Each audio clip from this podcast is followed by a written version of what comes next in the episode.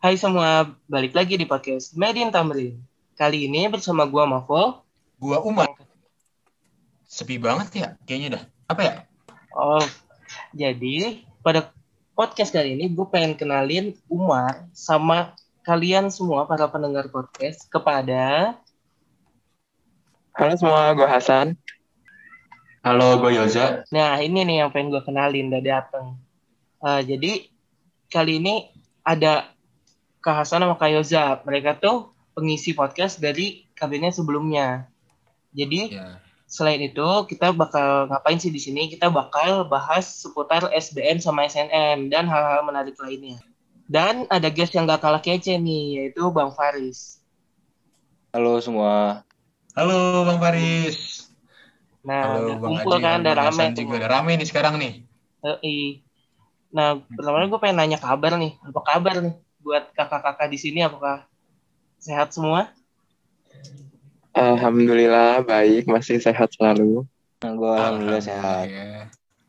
Oke, udah tanpa berlama-lama langsung aja kali ya kita ke eh, perbincangan inti kita dari podcast ini. Silakan Umar. Oke. Nah, oke nih mau ngobrol tentang kampus, tentang kampus ya. Pertama pengen nanya tentang SNMPTN. Nah, ke Bang Faris dulu ya. Kan Bang Faris ini keterima SNM ya di ITB. Nah, itu Iya, ya. gue nih. Uh, penasaran bang, kalau misalnya setelah SNM itu masih belajar nggak sih? Buat apa itu belajar gitu? Eh, SNM kan awal-awal ya. Hmm. Gue lupa tanggalnya Maret kayaknya. Nah, gue masih belajar dikit sih buat apa? Kayaknya gue masih ada bantu ini tutor sebaya angkatan gue Oh. beberapa kali sebelum UTBK. Nah ya jadi kayak udah gue belajar fisikanya. Terus gue juga ngisi ini kan tutor di suatu platform gitulah Hmm? buat mandiri. Jadi ya belajar dikit lah. Terus sama ini gua belajar kemarin kan dapat pelatnas 2 tuh.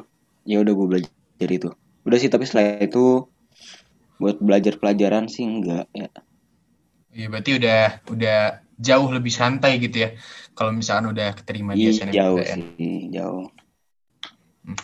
Nah terus nih ada pertanyaan lagi nih buat boleh nih boleh Bang Faris juga yang jawab terus ada uh, Bang Aja ya Bang Hasan dari tahun ke tahun di MHT itu kan kita tahu ya ada masalah orang yang uh, daftar PTLN terus dia daftar di PSBM juga atau SNM juga nah terus pas nanti dia keterima di PTLN SNM-nya ditinggal nah itu tuh jadi masalah nggak sih di deklarasi gitu kalaupun jadi masalah ini tuh uh, apa solusinya yang kira-kira bisa dilakuin sama angkatan-angkatan selanjutnya supaya nggak keulang lagi gitu.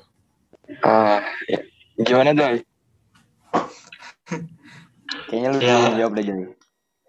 Ya, kalau dari yang gue tau ya, karena gue juga ada daftar-daftar PTLN, itu emang kayak dari tahun ke tahun jadi masalah kan. Cuman kayaknya sih dari angkatan kita yang bakal kayak gitu tuh cuman di ITB doang. Terus kayak ITB udah CS-an gitu kan sama SNMMHT. Jadi harusnya nggak nggak jadi masalah gede. Nggak tahu juga sih ke depannya gimana. Cuma dari tahun-tahun sebelumnya tuh yang cabut kayak gitu nggak ada masalah. Jadi harusnya tahun depan nggak masalah juga. Harusnya kita berharap semua tahun depan nggak masalah ya. Buat yang PTLN. Amin. Tapi sebenarnya yang gue tahu teman-teman sebenarnya yang gue tahu teman-teman ITB ya, yang dari MHT yang SNM, eh, dia tetap ini sih daftar ulang tetap bayar. Nah, gue yang nggak tahu apakah ini termasuk kayak eh cabut gitu dari ITB terus ITB-nya mempertanyakan atau enggak gitu kan? Oh jadi eh, triknya emang daftar ulang dulu, masuk dulu gitu satu semester gitu ya? Satu apa? tuh? Eh, nggak satu semester juga sih. Tapi eh, kan semester dulu kan. Ini, ini online ya, jadi kayak bisa double gitu oh loh. iya. oke, oke. Jadi kayak dua device gitu kan. Iya, mati sih mati sih. Apa? bakal bakal capek juga sih pasti cuman ya Ya paling nggak diikutin yang di TB-nya gitu, cuma ya udah ah, absen gitu ada nilai. ya tapi yang kejadian di maksudnya. Iya yang kejadian di ITB doang kayak UGM UB gitu-gitu nggak ada yang kayak gitu sih Iya, nggak ada yang keterima di luar juga. Kayaknya nggak ada yang nyari di luar juga yang Iya. selain. anak MAT di ITB itu banyak banget ya. Kalau gue lihat dari persebarannya gitu. Eh, Eh, bentar, ya banyak. Banyak. Maksudnya dibanding dari ke kampus-kampus lain. Terus ya mungkin karena itu juga jadi sedikit Karena- kampus lain gitu kejadiannya. Jujur kayak gue disaranin Budura sendiri, itu Budura ngomong sendiri gitu loh kalau Hmm. di ITB mungkin peluangnya bakal lebih gede keterima buat SNM. Jadi mungkin karena itu juga banyak yang berani. Karena Iya. da- dari dari tahun ke tahun tuh MHT udah ada record bagus gitu ya di ITB ya. Bisa diperhatiin. Iya, jadi kalau kata Budura itu kan syaratnya kayak dari indeks sekolah gitu. Nah, indeks sekolah ngaruhnya dari pertama ranking sekolahnya. Terus ada berapa uh, anak sekolah itu yang keterima di PTN kan kayak di ITB udah banyak banget. Terus uh, anak MAT yang di ITB tuh bukan yang kayak yang diem-diem doang, jadi mereka yang aktif, yang IPK-nya bagus-bagus. Jadi katanya itu ngebantu di itu di indeksnya. Oke oke. Oke, nah ini ter- terakhir ya buat soal SNM nih yang agak burning pertanyaannya. Menurut abang-abang semua, ada kemungkinan gak sih nanti tahun depan nih buat teman-teman dari eh, Varga Dama UI bakal buka jalur undangan ke MHT? takut mana? Hah? Lu takut Mar? Takut, kita semua takut. Takut. Takut. Iya. Kalau saran gue sih jangan. Udah cukup gue aja yang bego gitu, nggak usah yang lain ngikutin. Udah ITB. UGM. Sama bagusnya kalau kalau kalau SNM. ya kalau harapan sih gue bilang ya di angkatan gue juga ada ya harapan ya. Kan eh, kita pernah dikunjungin UI juga gitu kan terus eh, dan lain-lain. Terus kita juga udah ini kan eh, audiensi ke UI Iya. juga. Nah jadi kalau ada harapan mah buat angkatan lo ya ada gitu. Cuma ya nggak tahu ya angkatan gue kan ada harapan tapi hasilnya gitu juga gitu nah tapi kalau menurut gue eh, kalau lu mau UGM UGM dah dia tuh gue rasa kalau angkatan gue ini apa apply-nya ITB dan UGM Mm. gitu yang UI semuanya pindah ke UGM pasti semuanya keterima sih karena eh ya ada lah gitu eh temen gue Ya. yang keterimanya kedokteran gitu kedokteran UGM Berarti kalau menurut lu gitu, kalau misalkan ya mungkin ada kemungkinan, tapi worth it nggak sih kalau misalkan nanti teman-teman yang mau ngambil SNMPTN daftar ke UI itu worth it nggak menurut lu? ah ya sabit orangnya masing-masing sih Iya, itu terserah. Sebenarnya sih kalau Ya, kalau jakun- orangnya berani mah kenapa enggak gitu nggak sih? Kayak Iya. ya udah yang penting coba aja dulu. Iya, iya. kalau lu Iya, jakun iya. harga mati ya fix banget ini UI sih. Iya. Kan SNM juga bonus dir. Kan masih ada SBM Hmm. dan lain-lain gitu. Iya, kayak kalau misalnya lu cuma nyari, gue pokoknya mau, oh, gue mau keterima nih, gue ITB nggak masalah, UI nggak masalah, UGM nggak masalah, di mana aja nggak masalah gitu. Jangan UI. Tapi kalau lu emang mau UI, terus lu masih rela berjuang di SIMAK sama UTBK, ya udah, daftar aja nggak apa-apa. Kalau lu masih banyak jalan kan, kalau misalnya SNM nggak lolos. Jakun Iya. harga mati ya. Oke. Oke, itu eh, beberapa sedikit tentang SNM ya. Nah, terus mau beralih ini mau beralih tentang SBM nih yang masih anget ya, baru eh, kemarin-kemarin pengumumannya. Nah, eh, itu tuh gimana sih reaksinya nih buat buat eh, entah teman-teman yang keterima di SBMPTN tadi pilihan pertama atau pilihan kedua tapi yang di kampus impiannya itu eh, reaksinya tuh se se apa ya se meriah apa gitu sesenang apa gitu kalau lihat atmosfernya Oh ini lu nggak ngundang Debi dah ini kayaknya yang paling Iya, mantap kayak- jawabannya Debi anjir. Dewi sih. Dewi Ina tahu kalau paling Debi mantap. Ina, Debi Ina paling mantap. kenapa tuh kalau boleh tahu Eh, ini ya kalau Debi sih kan FKUI ya gitu top global. Iya. Ya reaksinya mantep banget lah gitu pastinya. histeris ya Iya. Ya. Terus kayak mereka juga udah ya sama-sama ngelewatin kayak drama-drama yang SNM UI ketolak semua gitu-gitu kan. Ya, Terus mereka dapet tuh bener di pilihan yang sama si DB FKUI, Ina FKG UI. Ya di sini nggak ada yang SBM lagi ya gue doang. iya lu doang. Oke, Nah, kalau ini lu jawab kalau- Ya udah reaksi lu gimana Joy? iya kalau kalau lu gimana bang reaksi lu Apa ya? Ya pasti seneng sih lah. Gimana anjir udah berapa bulan gue belajar SBM doang. Cuman ya kayak ya ya gue senang dapet biru begitu pas dibuka. emang ada kayak dikit, sedikit kecewa karena gue dapetnya di pilihan dua kan di ITS bukan pilihan pertama gue UI cuman kayak ya udah at least gue udah da- gue udah dapat kayak gue udah keterima ya udah abis itu juga uh, gue belajar buat mandiri jauh lebih rileks gitu gitu sih Oh, berarti nanti masih bakal daftar buat eh, mandiri UI lagi ya? iya bener. Oke, oke, oke.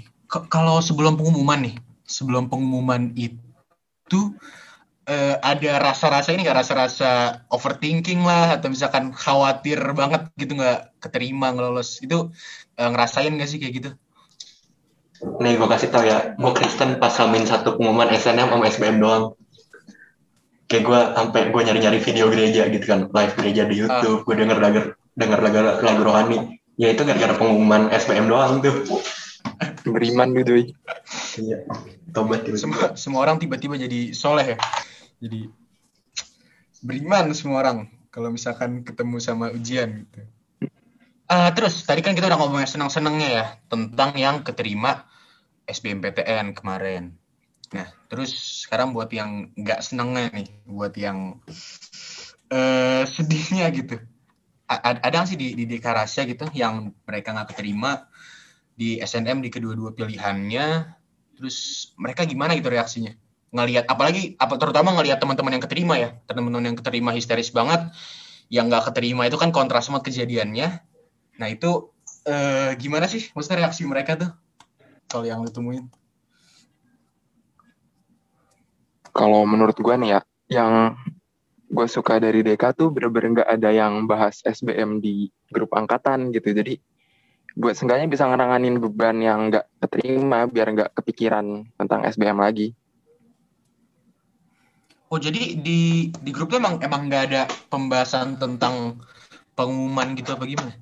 iya nggak ada sama sekali yang kayak nanya-nanya. Nggak ada sih. Oh ini kayak uh, perbandingannya kayak uh, kalau gue kan banyak kayak teman-teman SMP gue yang nanya-nanya gitu kan yang kayak ya tiba-tiba nggak ada yang atau ngechat gitu eh gimana pengumuman SBM dulu gitu tapi kalau di yang anak-anak MAT sendiri tuh nggak ada yang nanya gimana lu lolos atau enggak cuman mereka yang tahu gue lolos langsung ngucapin congrats gitu jadi ya emang kita kayak nggak tahu sih secara nggak langsung kayak udah janjian nggak usah nggak usah nanya-nanya kecuali orangnya sendiri emang uh, emang mau cerita Mau gitu ngasih tahu gitu. ya. Iya, jadi kalau emang lu nggak diomongin sama orang, masa kayak nggak diceritain lolos apa nggak sama orang, ya lu nggak ada yang tahu kabar yang lain gimana. Berarti eh, lebih ngejaga gitu ya perasaannya takutnya ada yang sakit hati bagaimana? Iya. Oke oke bagus berarti emang nggak nggak kita kondisiin buat eh, pengumuman gitu ya. Eh terus kan kita nggak ngomongin tentang pengumuman SBM tentang iya keterima nggak keterimanya ya. Cuma kalau misalkan dari belajarnya di Dekarasya itu secara satu angkatan gitu belajar itu eh, frequent nggak sih? Atau misalkan ada eh, metode apa gitu, ada program apa yang dibikin buat seangkatan ini? Sebenarnya ya frequent nggak frequent ya. Kayak kadang-kadang kalau lagi rajin ya rajin, kalau lagi enggak ya enggak gitu. Ini maksud yang gue omongin tutor sebaya ya, karena eh sebenarnya program tuh ada ya rapi ya gitu. Cuma pas eksekusinya aja agak susah gitu.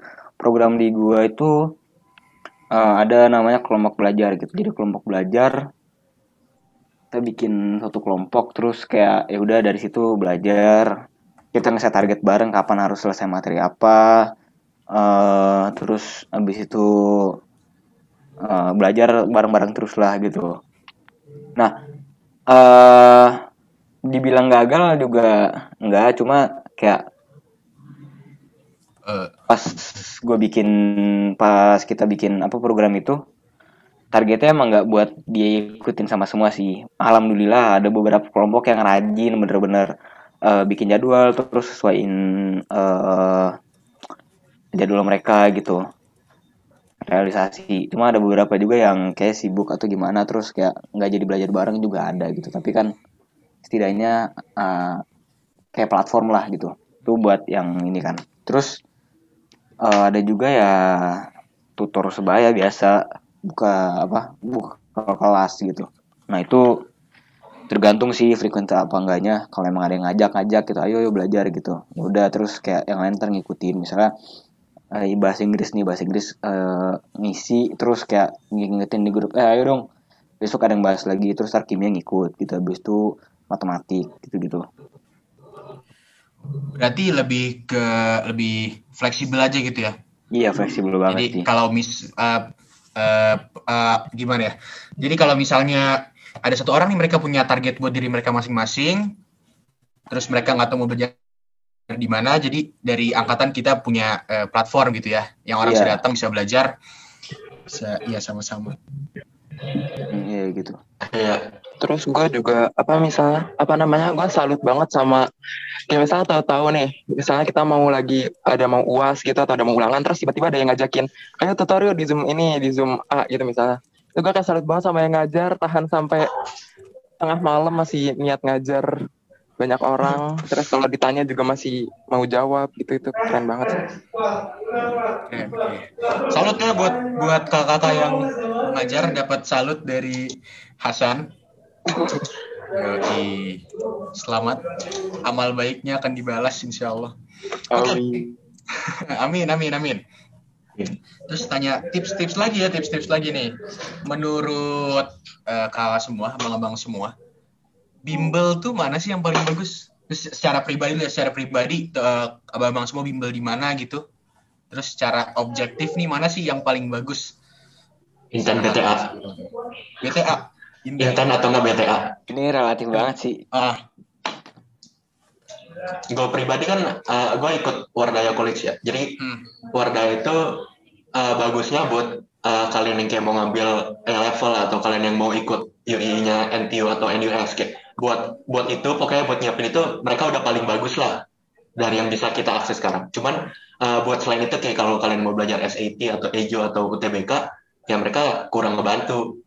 Gue sendiri kayak ya udah gue sendiri banyak dapat soal-soal dari internet kan. Jadi pas banget abis uh, abis gue UTBK tuh malamnya ada Obet kan kayak Obet biasa belajar bareng gua kan. Obet tuh ngirim kayak paket soal dari Inten gitu, eh bantuin dong nomor ini, bantuin nomor ini dong. Dan ternyata nomor yang ditanya Obet itu kayak sama persis sama yang keluar di UTBK-nya gua. Jadi Oh. kalau kalian emang uh, consider mau les gitu, ya antara Inten atau BTA sih yang paling worth harganya. GO, kalau GO gua GO nggak tahu sih gue nggak les GO dan kayak anak yang mate dikit atau bahkan nggak ada yang di GO. Ah, Oh iya, eh ya, TB, TB juga ngambil soal doang kan. Dia nggak ikut belajarnya. Oke. TO online juga kalian jangan ngadepin TO online kayak eduka pahami baik gitu-gitu doang. Karena dari pengalaman gue beda banget yang keluar soal. oh ya, be- beda banget gitu ya. Beda banget.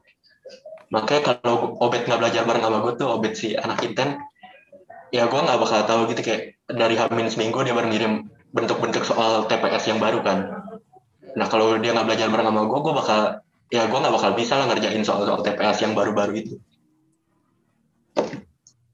Nah, itu juga mantep tuh apa kayak anak bimbel belajar sama yang kagak bimbel gitu sharing Oh iya, sharing sharing lah sharing sharing bahan sharing-sharing bahan tuh eh, bagus ya.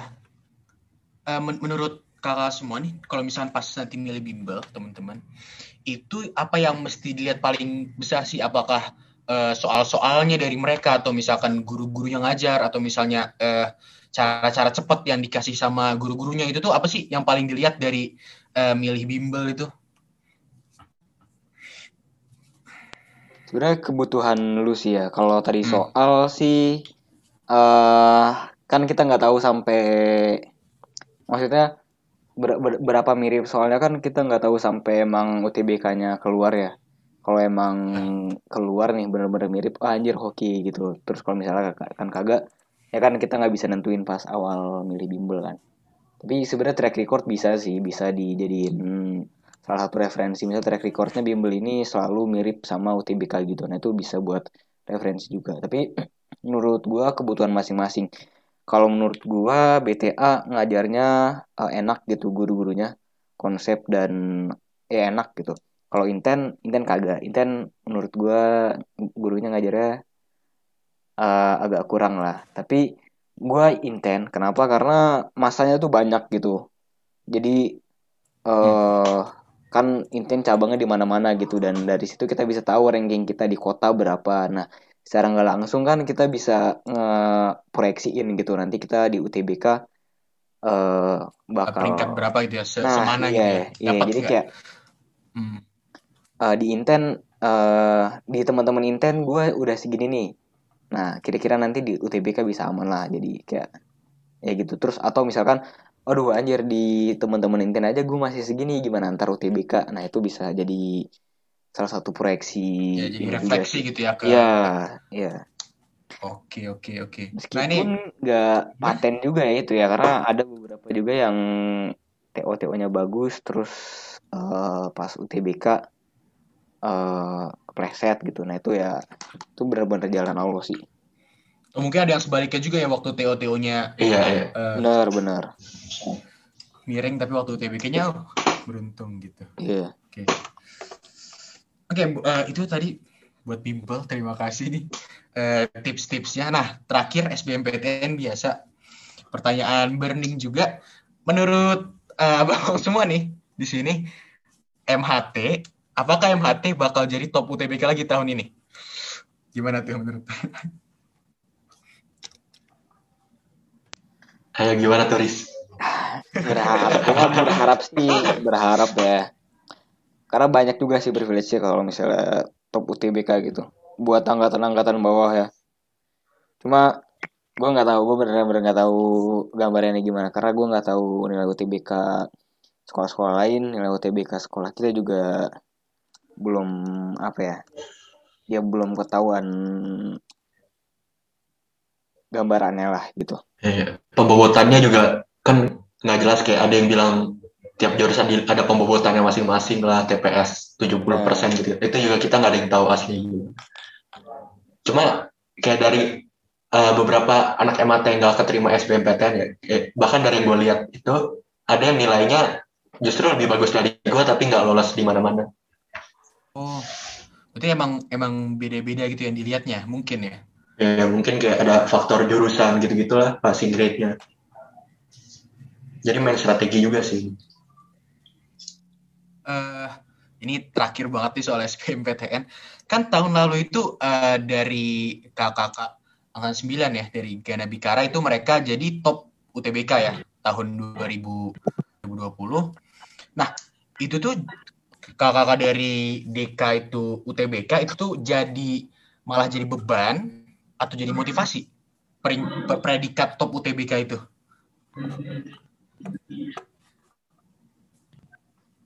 Gimana Joy? menurut gue ya ya setelah ada jadi beban ada jadi motivasi juga kayak lo bakal kepikiran gak sih masa gue kalah gitu sama kakak kelas gue cuman ya cuman kayak tetap aja ujung-ujungnya waktu gue belajar yang gue pikirin tuh bukan kayak ayo MAT harus uh, ranking satu gitu tapi tetap aja kayak uh, ya tujuan utama gue ikut TBK kan bukan ya ranking tapi buat lulus aja buat Yang keterima penting usaha sebisa lo ya, Joy. Hmm. iya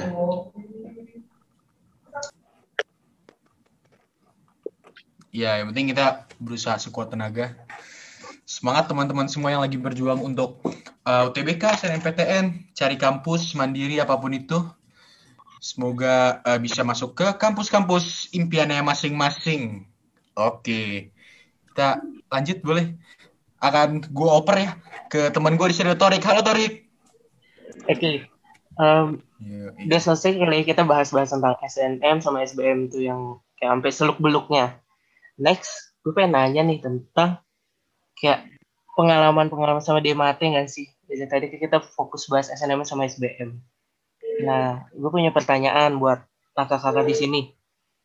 Best moment selama di MHT menurut kakak-kakak di sini apa aja sih? Mungkin boleh dari Kak Faris dulu kali ya. Best moment gua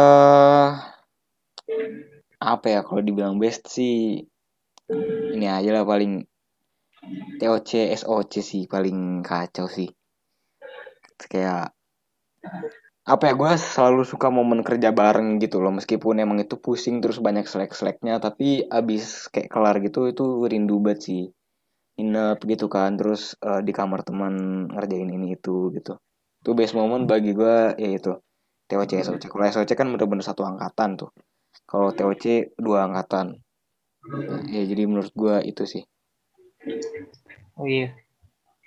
Emang sih eh, kalau dari gue pribadi walaupun emang eh, dari TOC kan kita online. Itu aja kerasa banget dari kerja bareng semuanya bareng sampai akhirnya sekarang menuju Javelin gitu kayak. Emang itu Iya. bakal teringat sampai kapan pun. Oke. Eh, next mungkin ya buat dari Kak Yoza.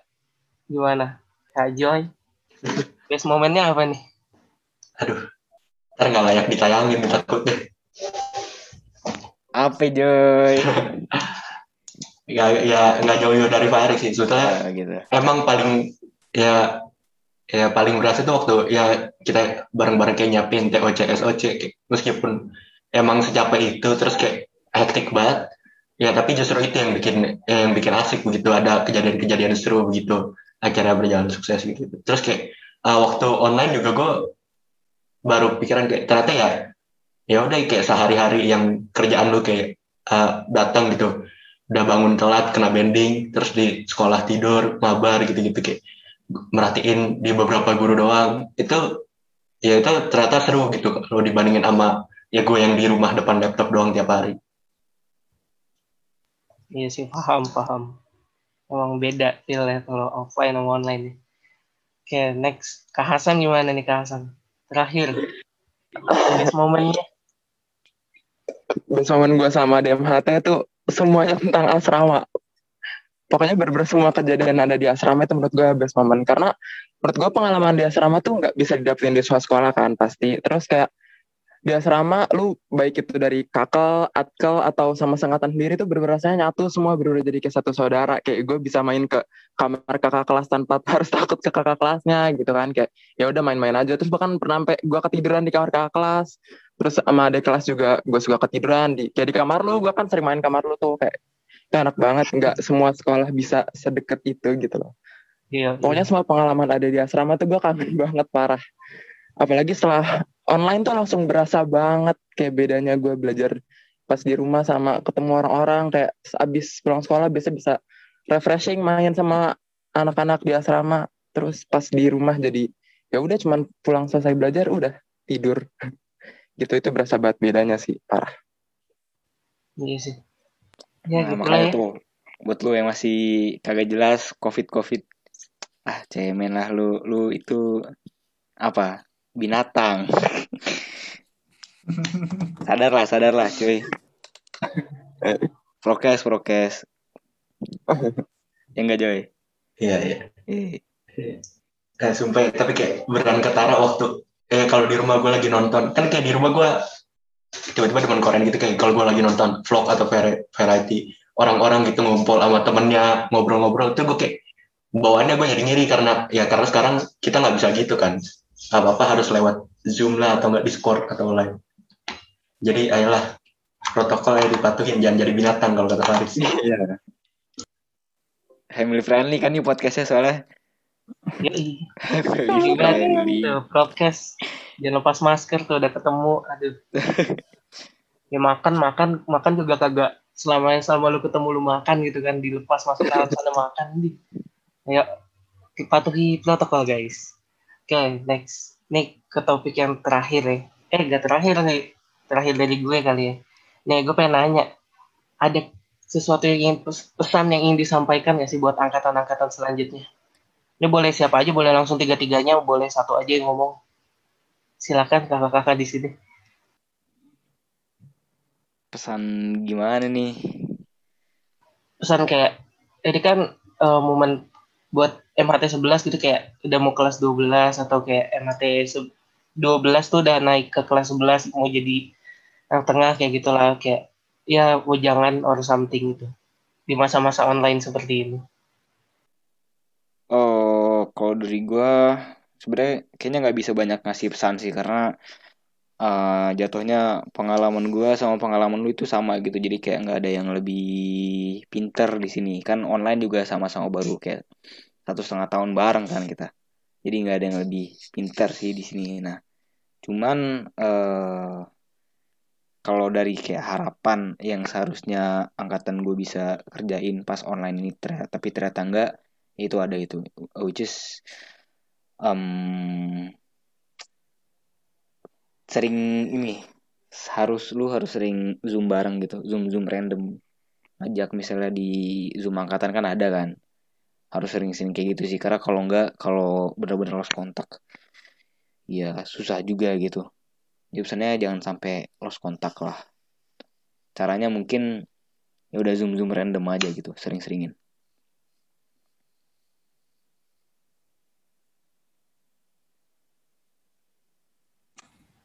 Oke, iya sih. Kerasa kalau misalkan kita sering zoom bareng walaupun nggak jelas gitu, tapi kan kayak bondingnya emang tetap jalan gitu loh. Nggak semakin lama jadi asing kayaknya sih. Oke. Ya, Zoom random tuh jadi kayak ngobrol aja, kayak kita ngobrol main kamar-kamar gitu ya. Kira-kira perbandingan. Iya. Bisa ini lagi bisa lintas gender gitu kan. Iya. Malam juga. Selain tas gender bisa sampai malam. Iya bener. Offline juga bisa kok, kalau gue. Oh, Iya. Iya. Ya, terakhir mau ngomongin tentang graduation dari Dekarasa Metraskaya. Graduation ya. Eh, gradu itu emang acara dari tahun ke tahun tuh sering banget ya. Maksudnya acara eh, terakhir banget gitu. Nah, itu tuh kan eh, buat ada buat sedih-sedih juga, ada buat perpisahan macam-macam. Nah, eh, online gini itu tuh dapat nggak sih feel eh, sedihnya lah atau feel bangganya gitu? Dapat nggak sih da- dari gradu online ini?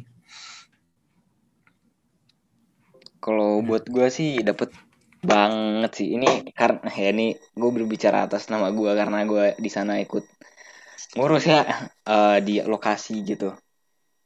Menurut gue dapet banget sih dari teman-teman yang ada di lokasi itu kita kan kan gue termasuk yang orang yang nginep gitu. Terus sama Akil waktu itu.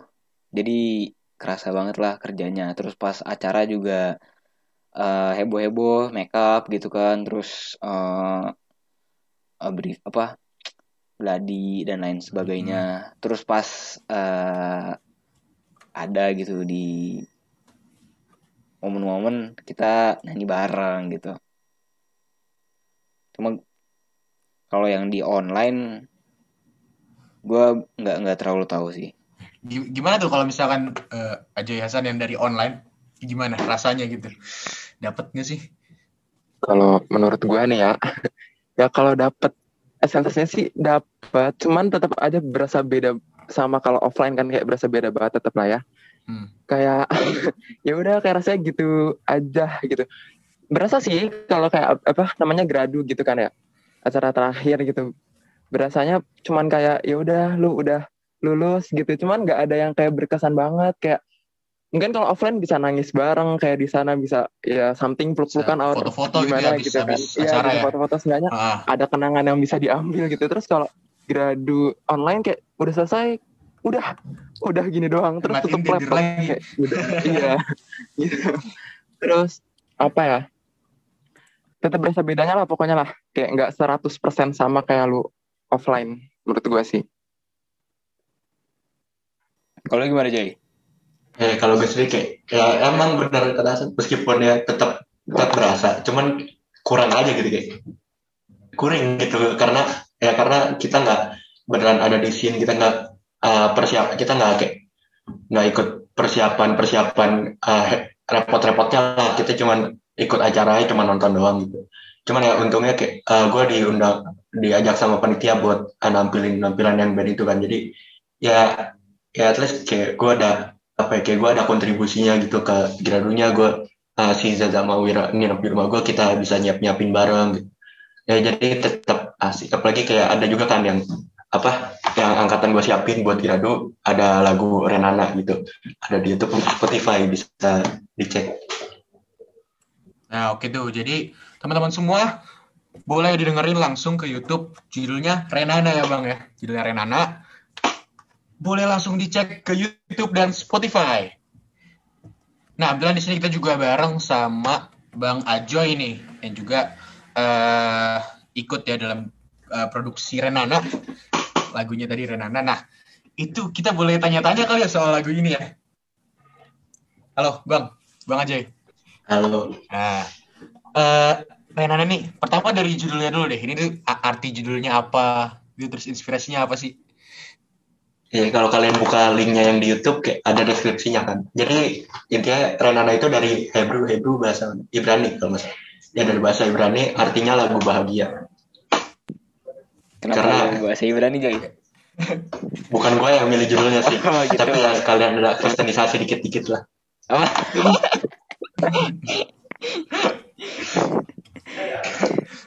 Kak, eh, berarti lagunya emang bahagia gitu ya? Maksudnya bukan karena lagu perpisahan lagu sedih gitu? Enggak ya? Jadi Iya iya. bahagia. Emang itu kayak tujuan kita karena apa ya kalau lihat lagu-lagu uh, perpisahan uh, sekolah lain atau angkatan lain kan mereka nyari-nyari lagu yang sedih gitu eh, kar- manfaatin momen kan karena emang momen perpisahan biasa sedih. Cuman uh, gue sama tim yang bikin itu mikir kayak uh, terlalu biasa gak sih kalau bikin lagu-lagu pelan yang kayak cuma pakai gitar atau piano yang kayak di cover-cover gitu. ya. Hmm.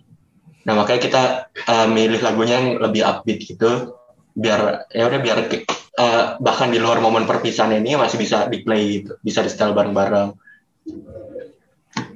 Biar kayak udah biar apa ya bahasanya? Ya udah biar nggak nggak buat satu momen doang. Iya, berarti berarti supaya iya supaya kalau misalnya nanti di play di luar masih relevan gitu ya. Seneng-seneng, nggak sedih-sedih. menurut gue yang keren tuh apa? Renana kalau lu play sebenarnya vibe-nya kayak ceria gitu kan, kayak lu Ah. senang gitu. Tapi kalau lu baca liriknya lu dalemin, sebenarnya sedih anjing. Tapi ya, bisa dibawakan dengan vibe yang bahagia itu keren. lir- liriknya gitu. dalam ya. Sudah tiada Iya. lagi yang abadi di bumi. Eh, dalamnya itu ya liriknya. Siapa siapa yang nulis eh, siapa yang nulis liriknya terus produksi musiknya itu siapa ya kalau ini? Selama Lirik. pembuatan itu. Uh, jadi lirik itu uh, Arlin Dinda Ceca yang bikin. Hmm. Terus uh, buat pokoknya buat melodi tuh uh, gua, Zaza, Ceca sama Bilkis kita brainstorm bareng gitu gitu nyari kita nyari nyari nada. Terus uh, sebetulnya kayak aransemen gitu produksi uh, gua sama Zaza. Cuman emang banyakan Zaza yang kayak bahkan dari awal akhir itu karena bikinnya di laptop Zaza kan, kayak cuma dia yang punya software buat uh, buat bikin lagunya. Jadi banyakan prosesnya tuh kayak ya udah kita kita semua ngasih ide ke Zaza kecuali lirik ya kayak buat lagu gitu. Kita ngasih melodi ke Zaza kita rekamin ini kita mau kayak gini nih.